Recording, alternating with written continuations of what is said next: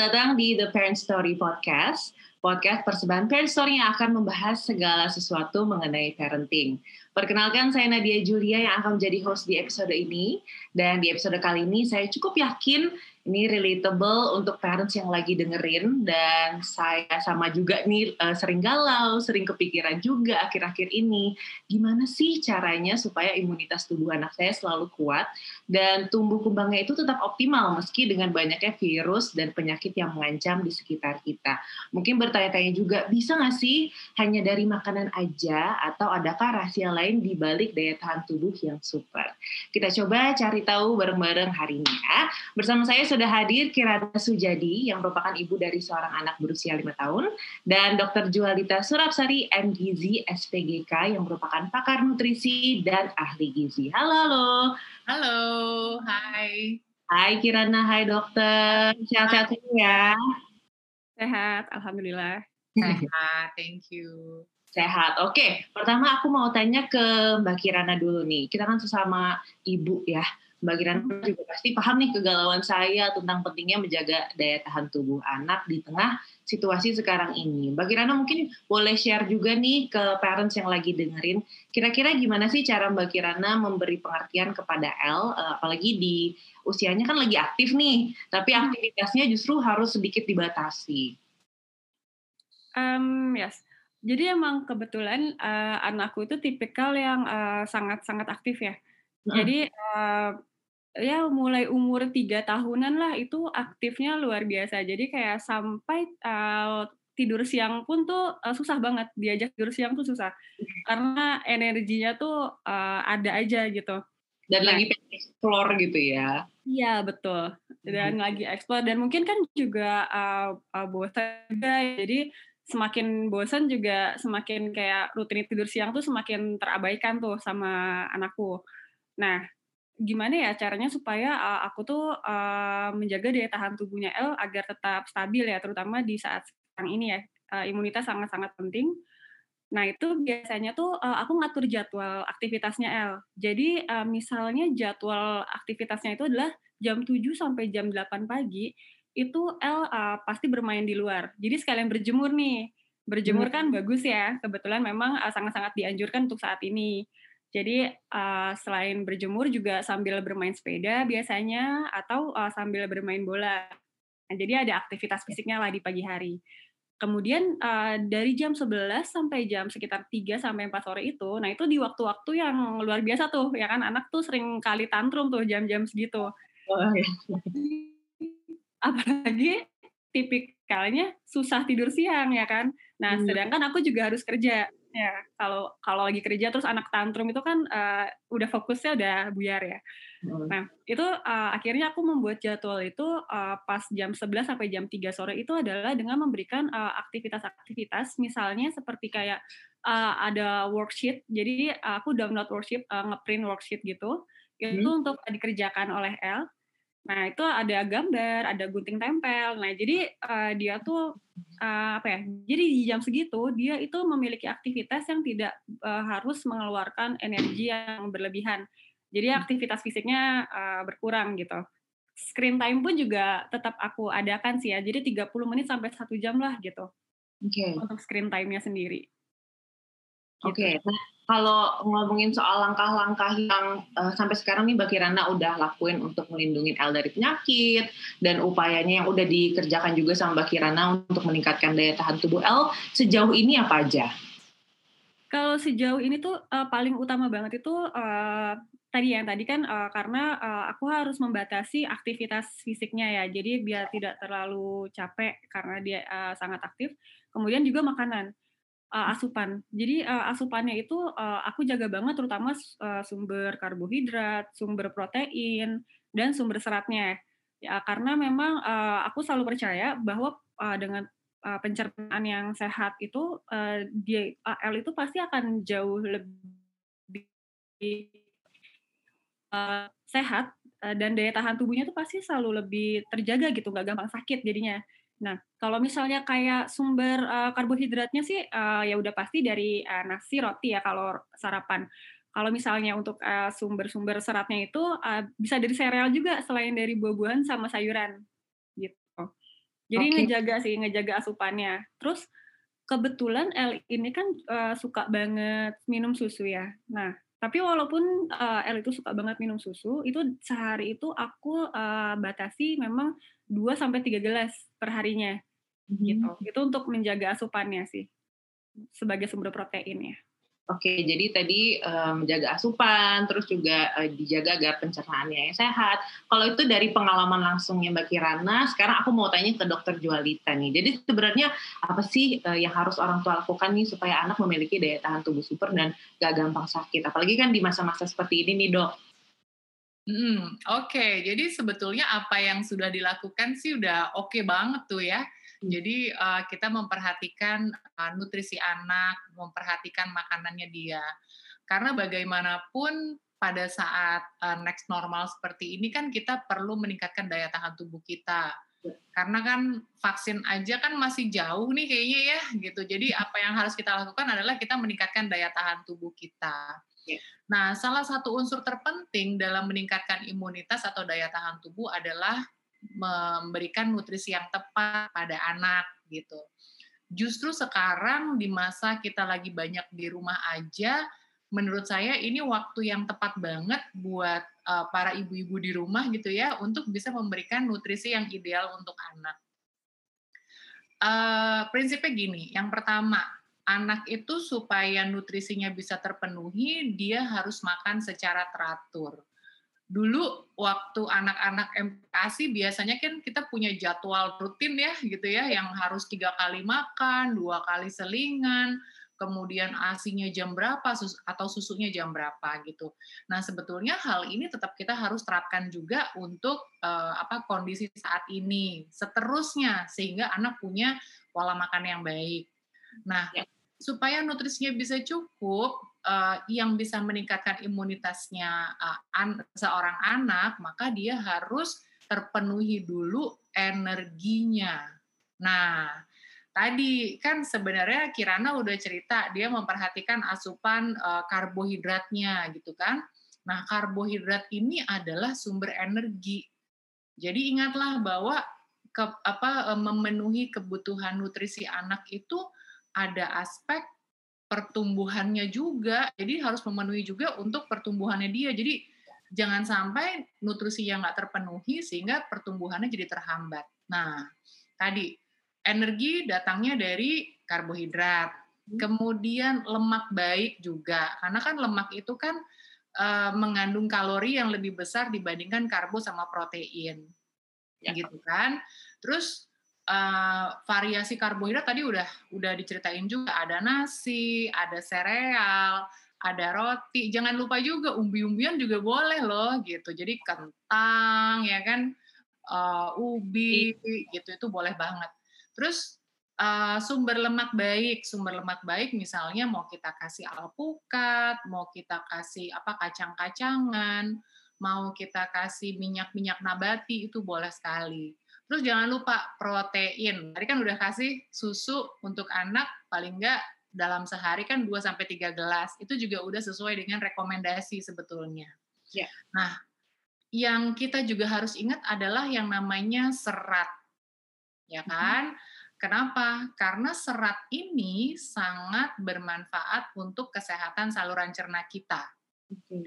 Nah, yang perlu ibu-ibu ketahui juga bahwa ternyata uh, apa sel-sel imun tubuh kita, sel-sel kekebalan tubuh kita 70 sampai 80% itu ada di saluran cerna.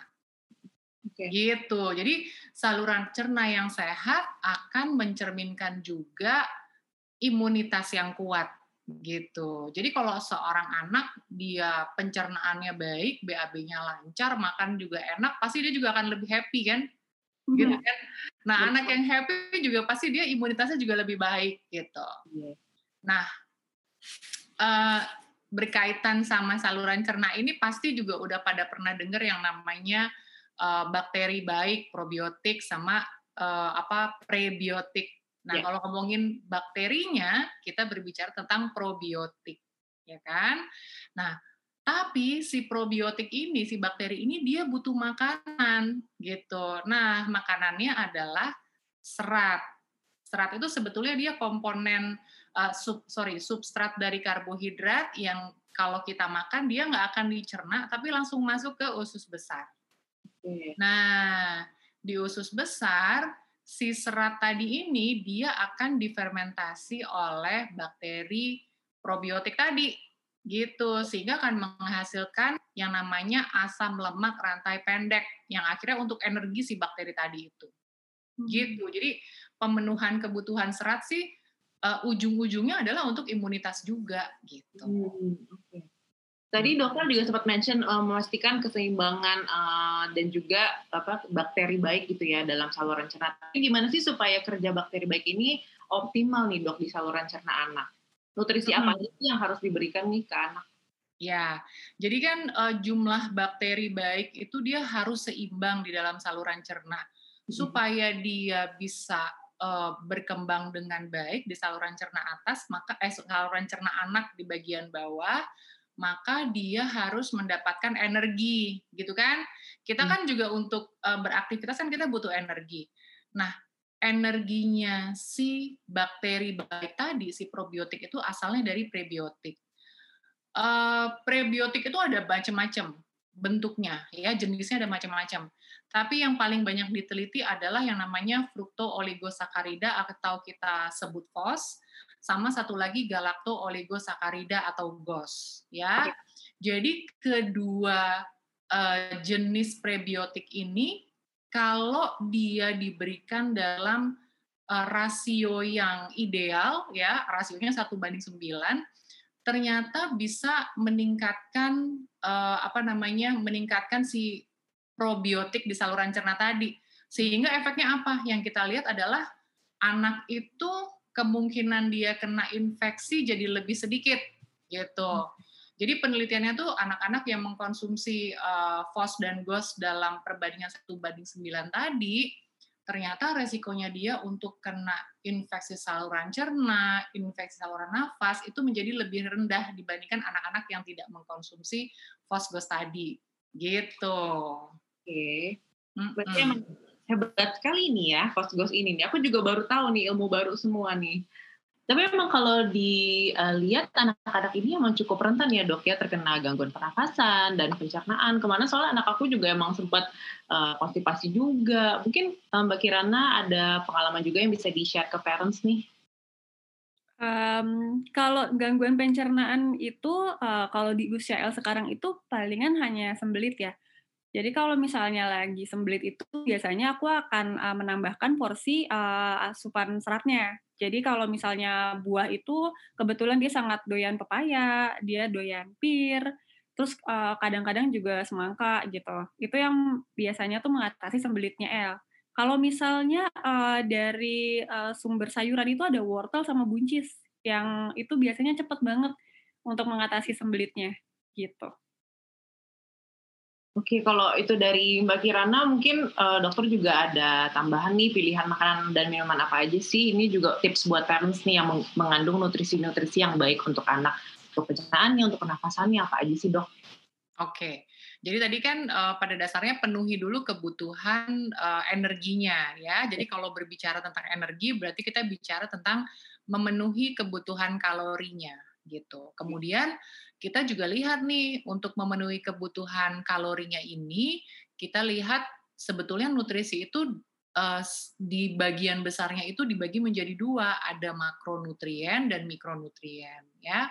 Nah, makronutrien ini pasti banyak ibu-ibu juga udah paham banget nih. Kita berbicara tentang karbohidrat, protein, lemak. Nah, yang menyumbang energi terbanyak itu sebetulnya lemak karena satu gram lemak itu kalorinya 9 kalori. Sedangkan satu gram karbohidrat dan protein itu uh, mengandung 4 kalori saja. Nah, sebetulnya kan pada anak di bawah 2 tahun kita tidak perlu terlalu membatasi uh, asupan lemak gitu, tapi kita pilihlah lemak-lemak yang memang lemak baik gitu ya. Nah, kemudian uh, lemak baik tuh contohnya apa sih? Kita bisa kasih alpukat. Alpukat tuh selain mengandung lemak baik, dia juga mengandung serat gitu. Yang mana hmm. serat ini lagi-lagi balik-baliknya ujung-ujungnya ke pencernaan lagi gitu. Terus kita pilihkan juga nih anak eh, anak-anak harus bisa mengkonsumsi protein hewani. Kenapa? Karena protein hewani itu asam aminonya lengkap. Asam amino itu kita bisa bayangin kayak uh, tembok itu protein, nah si batu bata itu adalah asam aminonya yang menyusun tembok tersebut. Jadi lengkap gitu, bangunannya kokoh.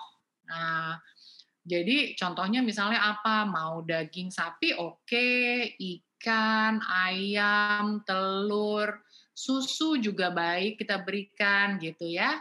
Nah, hmm. terus uh, karbohidrat tadi udah disebutkan. Karbohidrat itu bisa macam-macam deh, nggak cuma nasi aja. Karena kan kita juga pengen anak ini mengenal macam-macam jenis uh, apa makanan ya gitu. Jadi kita variasikan juga. Terus Eh, nggak uh, lupa juga kita perkenalkan dengan sayur dan buah. Nah, ini perlu yang namanya konsistensi dari orang tua, gitu kan? Karena kadang-kadang kan kita keluhannya adalah orang tua kenapa sih anakku tuh nggak mau makan sayur gitu, padahal sayur mengandung serat, gitu kan? Nah, kita perlu konsistensi dalam arti ketika mengenalkan dan mungkin anak ada satu saat anak itu nggak mau makan sayuran tertentu, kita nggak boleh putus asa jadi di lain waktu kita tetap harus mengenalkan juga karena sering kali penolakan satu kali, dua kali, tiga kali bukan berarti anak itu nggak mau sayuran tertentu gitu ya. Terus uh, yang saya sebutkan tadi sayur dan buah dia juga merupakan uh, apa namanya bahan makanan sumber dari vitamin dan mineral. Yang mana vitamin mineral ini juga penting banget untuk kekebalan tubuh gitu. Terus apalagi ya uh, selain itu kita juga perlu uh, memberikan tadi jadwal makan sehingga yang kita sudah siapkan tadi bisa disesuaikan dengan jadwal makan yang kita terapkan sehingga anak juga tetap mau makan karena kadang-kadang orang tua itu bilang anaknya nggak mau makan padahal dia tidak menerapkan jadwal makan sehingga pada waktu jam makan anaknya udah kenyang cemilan gitu iya. loh. Mm -hmm, bener kan gitu. Nah terus apalagi sih tadi kan probiotik itu dia sebetulnya juga bisa didapatkan dari bahan makanan kan gitu. Kita bisa dapatkan juga dari yogurt gitu kan. Kita bisa dapatkan juga uh, apa dari tempe juga bisa gitu. Kemudian dari uh, kalau prebiotik kita juga bisa dapetin dari bawang putih, dari daun bawang. Makanya anak tuh perlu dikenalkan dengan macam-macam makanan sebetulnya. Hmm. Gitu. Oke dok, ya, ini juga mumpung ada seseorang yang emang ahli gizi, jadi saya juga nggak nebak-nebak, pengen tanya ke dokter Jualita nih. Apa sih tips untuk orang tua nih eh, memilih bahan makanan yang bernutrisi dan bermanfaat untuk daya tahan tubuh keluarga nih? Apakah emang harus menggunakan bahan organik atau yang impor apakah lebih baik atau gimana dok? Oke, nah ini uh, tipsnya memilih bahan makanan untuk anak. Yang penting bahan makanannya segar Segar itu dalam arti bukan olahan. Contoh ya, kita ngomongin sumber protein, kita ngomongin uh, daging sapi. Kan daging sapi itu ada yang bentuknya sosis, udah jadi sosis, ada yang bentuknya dia masih fresh, daging sapi segar. Nah, akan berbeda sekali antara daging sapi 50 gram dengan sosis 50 gram. Kalau sosis 50 gram, kandungan kalorinya udah jauh lebih banyak dibandingkan dengan daging sapi yang fresh 50 gram. Karena hmm. apa? Orang kan kalau bikin sosis kan dia ditambahin tepung, ditambahin minyak kan, sehingga bentuknya bisa seperti itu. Jadi pilihlah bahan makanan segar, sayur-sayuran yang segar, buah-buahan yang segar.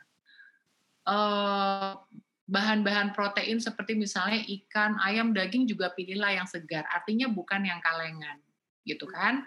Terus Uh, yang kedua, perlu nggak sih makanan organik? Nah, kalau menurut saya karena makanan organik itu mahal daripada ibu ngejar makanan organik tapi akhirnya tidak bisa memenuhi semuanya. Lebih baik tidak organik tetapi kita bisa memenuhi semuanya. Dalam arti keanekaragaman pangan itu bisa tetap kita berikan kepada anak. Gitu kan? Jadi jangan sampai misalnya aduh aku pengen ngasih anakku bayam organik nih, tapi harganya bisa lima kali lipat daripada yang bukan organik. Tapi akhirnya mengorbankan yang lain gitu, mengorbankan dalam arti ah makan buahnya jadi dikurangin misalnya karena duitnya udah habis ke sana gitu. Nah, jangan sampai seperti itu. Oke, berarti emang pilihannya itu bahan makanannya yang segar, yang penting bukan olahan gitu ya dok ya. Mm-mm. Oke, kalau ngomongin uh, soal makanan, tadi juga uh, dokter Jolita udah sempat nanya sedikit soal susah makan. Nah, kalau Mbak Kirana pernah nggak nih ada pengalaman L-nya susah makan? Kalau emang pernah gimana tuh Mbak Kirana ngatasinnya? Pernah banget. Uh, waktu terutama waktu usia-usia 2 tahun sampai 4 tahun itu ya, itu kan uh, usianya biasanya lagi susah makan banget ya jadi cenderung picky, uh, jadi picky eater banget. Uh, kalau dalam sehari tuh ibaratnya makan satu kali aja tuh perjuangan banget gitu. luar biasa. Jadi uh, mau deg-degan bahkan kadang kayak waduh uh, siapin apa nih buat perang nih ibaratnya gitu kan supaya anaknya mau makan gitu soalnya kan kenapa jadi uh, perjuangan karena kan sebenarnya momen makan itu kan tidak boleh menakutkan ya bagi anak ya. Mm-hmm. Jadi gimana caranya supaya uh, dia mau uh, makan tapi uh, tanpa paksaan gitu, maksudnya tanpa uh, rasa tertekan gitu. Nah, jadi kalau misalnya dulu sih kalau uh, pas lagi susah makan gitu, uh, oke okay, porsinya aku kurangin dulu aja. Jadi kayak uh, porsinya uh, aku kurangin dikit, kemudian asupan susunya biasanya aku tambahin satu gelas. Misalnya uh, dua gelas gitu ya seharinya normalnya. Nah itu aku tambahin jadi uh, tiga gelas. Kalaupun emang apa aku merasa dia di hari ini oke-nya aku bisa nambahin satu gelas lagi deh. Tapi itu juga nggak yang jadi setiap hari aku tambahin uh, apa porsi susunya karena uh, gimana pun uh, nanti dia uh, malah kenyang minum susu kan ya dok ya. Mm -hmm. Mm -hmm. Jadi uh, cara untuk menjaga daya tahan tubuhnya itu aku uh, selalu selingi dengan susunya itu yang nggak boleh putus kalau misalnya makanan lagi susah. Uh, tapi sesuai tetap sesuai anjuran uh, yaitu 2 sampai tiga kali sehari. Kemudian aku tambahkan multivitamin. Kalau dulu biasanya itu multivitamin yang cocok buat L itu dulu tuh minyak ikan gitu. Gitu sih. Oke. Okay.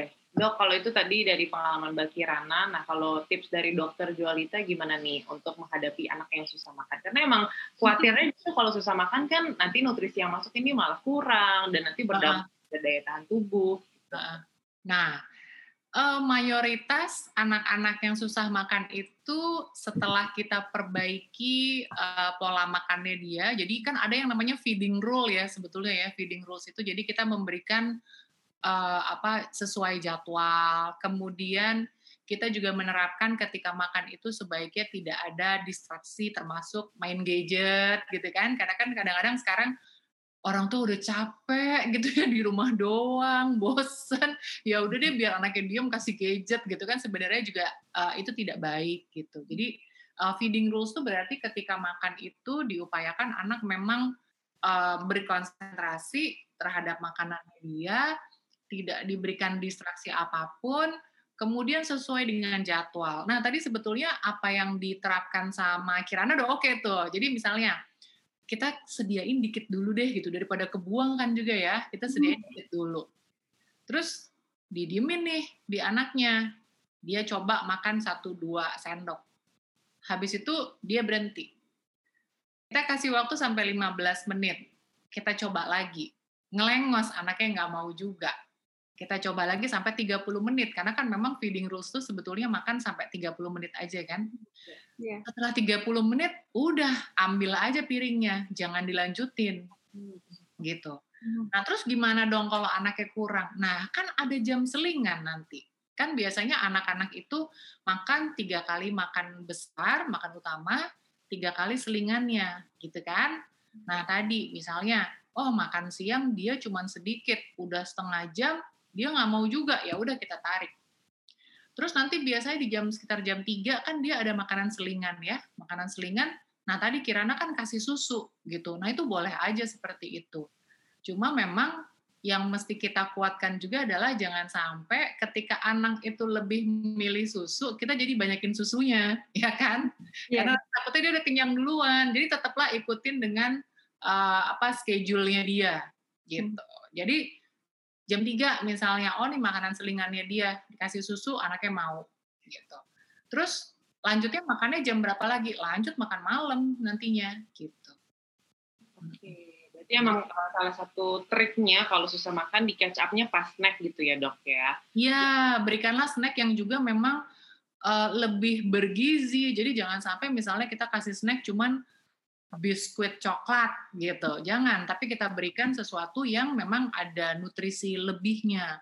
Mau kasih susu boleh, mau kasih misalnya kita bikinin puding kacang hijau itu juga boleh atau kita mau bikinin uh, apa namanya uh, bitter balen yang asalnya dari kentang dalamnya dikasih daging nah itu juga boleh gitu sehingga apa yang diasup oleh anak itu kandungan nutrisinya bisa lebih banyak gitu lebih bervariasi Oke, emang ini berarti juga sebuah tantangan buat orang tua untuk jadi master chef ya, cari menu apa lagi. Benar, benar. Gitu.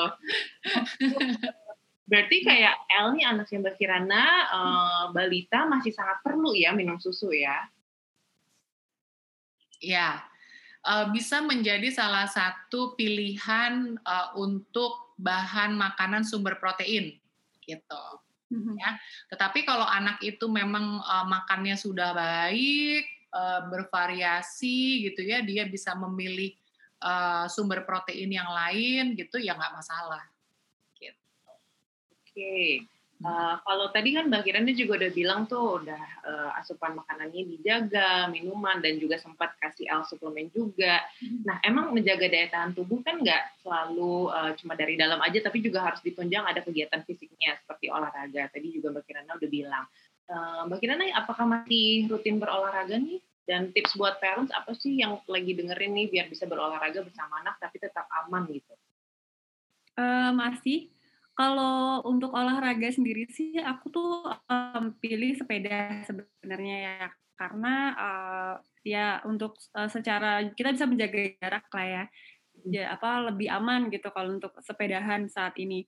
Kalau misalnya untuk yang olahraga di rumah aja pun bisa tuh kalau aku sama El tuh suka kayak ngajak dia senam-senam aja gitu, senam-senam apa nyari referensinya dari YouTube. Jadi bukan expert juga sebenarnya, uh, tapi yang penting tuh uh, ada aktivitas uh, geraknya lah gitu. Karena kan memang ya uh, seperti saat ini kan memang lagi dibatasin banget ya aktivitas anak tuh. Jadi kalau uh, dengan kayak mengajak anak berolahraga, kayak misalnya ngajak sepedahan, ngajak senam gitu, itu tuh uh, salah satu upaya juga untuk uh, meningkatkan bonding sih gitu. Hmm. Jadi uh, banyak manfaatnya gitu selain kesehatan ya. Jadi meningkatkan bonding juga. Jadi anak merasa ada temannya gitu. Jadi ada ada apa uh, aktivitas yang oh nih orang tuaku tuh uh, apa ngajakin aku beraktivitas gitu. Oke, jadi emang keduanya enjoy sambil bonding juga gitu ya Mbak Kirana ya. Mm-hmm. Kalau uh, menurut Dokter Jualita, apa sih yang harus diperhatikan orang tua nih kalau mengajak anaknya berolahraga di masa next normal ini? Oke, okay, jadi uh, tetap beraktivitas, tetap berolahraga tuh juga perlu banget. Nah, apa yang aku lakukan sama juga sih sama Kirana, aku ajak anakku sepedaan. gitu. Karena kan uh, apa ya itu salah satu yang bisa melatih koordinasinya dia, ya kan motoriknya dia gitu. Nah, apa yang perlu diperhatikan ketika mengajak anak uh, keluar rumah gitu untuk olahraga? Yang pertama orang tua perlu membekali dulu uh, kepada anak bahwa ketika kita keluar itu kita harus memperhatikan protokol-protokol kesehatan tetap. Jadi anaknya harus pakai masker gitu ya, tidak boleh tidak pakai masker. Hmm. Kemudian bisa juga ditambah pakai face shield misalnya gitu. Untuk anak yang masih di bawah 2 tahun kan dia belum bisa pakai masker kan, jadi face shield cukup membantu. Terus yang ketiga, jangan lupa kita selalu bawa hand sanitizer di dalam tas. Kalau sewaktu-waktu ketika kita lagi di luar, tiba-tiba kita mau pegang daerah wajah kan harus dibersihin dulu gitu. Terus jangan lupa juga ketika mau mengajak anak keluar, orang tua juga harus melakukan kayak mini survei. Mini survei itu artinya uh, area mana sih yang kira-kira agak sepi kemudian di jam berapa sih kira-kira yang sepinya gitu loh. Hmm. Nah, kalau saya sendiri, saya nggak akan ngajak anak saya keluar di hari Minggu pagi. Karena hari Minggu pagi di daerah rumah saya tuh ramenya, ya ampun gitu ya. Jadi saya lebih memilih ambil sore hari uh, di hari kerja gitu. Misalnya saya ada waktu pulang sekitar jam 4. Nah, saya ajak anak-anak untuk uh, apa uh, olahraga di situ gitu. Olahraga sekedar naik sepeda atau sekedar jogging aja gitu. Kemudian tetap uh, harus jaga jarak. Jadi hindari orang-orang yang berkerumun gitu. Jadi kita tetap dengan circle keluarga kita sendiri aja gitu. Ya. Kemudian jangan lupa ketika pulang ke rumah langsung biasakan untuk cuci tangan dulu sebelum masuk rumah, lepaskan dulu sepatu dan lain-lain, taruh di luar rumah, kemudian langsung mandi. Gitu. Itu yang perlu kita uh, tanamkan kepada anak. Saya rasa untuk anak-anak di, di usia 4-5 tahun tuh dia udah bisa kok ya mulai kita ajarin seperti itu gitu. Mereka juga udah lebih aware kan gitu. Lebih bisa membaca situasi ya mereka. Ya? Benar. Mm -mm. Oke. Okay. Jadi kalau bisa aku simpulin nih uh, caranya jaga daya tahan tubuh itu penuhi kalorinya ya dok ya benar ya. Asupannya hmm. juga dijaga, lemak baiknya, karbo, serat juga diperlukan, juga mengandung uh, vitamin dan mineral. Dan tadi kalau uh, ngomongin soal bahan makanan yang bagus emang gimana sih? Yang penting yang segar ya dok ya, bukan olahan. Mm -hmm. Terus juga kalau susah makan itu terapin feeding rule, jangan pakai gadget dan harus sesuai jadwal. Terus juga uh, ditambah dengan yang bergizi bisa susu juga dan kalau mau beraktivitas juga sebenarnya nggak apa-apa yang penting anaknya di brief dulu ya kan tadi hmm. terus protokolnya juga tetap harus dijaga dan kalau bisa orang tuanya survei survei kecil dulu gitu ya dok. Hmm. Hmm. Oke. Nah, sebenarnya uh, masih pengen banyak bertanya lagi nih sama Dokter Jualita dan Mbak Kirana. Karena topiknya seru banget dan emang relevan sekali di masa sekarang ya. Pasti parents juga ngerasain hal yang sama. Tapi sepertinya kita harus mengakhiri obrolan ini. Terima kasih Dokter Jualita dan Mbak Kirana untuk sharing dan tipsnya. Semoga sehat selalu dan imun tetap strong ya. Amin. Terima kasih. Terima kasih. Oke, okay. thank you ya. Parents ternyata banyak sekali cara untuk menjaga daya tahan tubuh anak. Tapi seperti yang dibocorkan oleh dokter Jualita tadi, ternyata kunci rahasia dari imunitas anak yang kuat adalah dengan menjaga keseimbangan bakteri baik dalam saluran cernanya. Pas banget sekarang ada Nutrilon Royal Actiduo Bio Plus yang mengandung fosgos 1 banding 9 serta omega 3 dan 6 yang teruji klinis bantu optimalkan daya tahan tubuh anak. Jangan khawatir kalau parents belum sempat catat nih pesan-pesan dari dokter Jualita tadi, karena parents bisa mendownload ebook persembahan Nutri Club yang bisa didapatkan di link yang ada di description podcast ini. Isinya lengkap banget mulai dari informasi seputar nutrisi sampai manfaatnya untuk imunitas tubuh si kecil. Selain itu akan ada juga beragam aktivitas menarik yang bisa dicek langsung di Instagram at NutriClub underscore id. Jadi parents, jangan lupa follow ya. Kalau Anda merasa butuh informasi dan pengetahuan lain seputar parenting, langsung aja akses website atau apps Parent Story dan klik laman Journey. Karena Parent Story menyuguhkan banyak sekali artikel mengenai parenting, dimulai dari kesehatan, tumbuh kembang anak, bermain dan aktivitas anak, sampai karir, keuangan, gaya hidup, hingga edukasi. Parents nggak perlu khawatir, karena semua artikelnya itu terpercaya dan bersumber langsung pada pakarnya. Selamat membaca parents, and thank you for listening to our podcast. See you on the next episode dengan pembahasan lain seputar parenting dan kehidupan keluarga masa kini. Saya Nadia Julia pamit, bye-bye.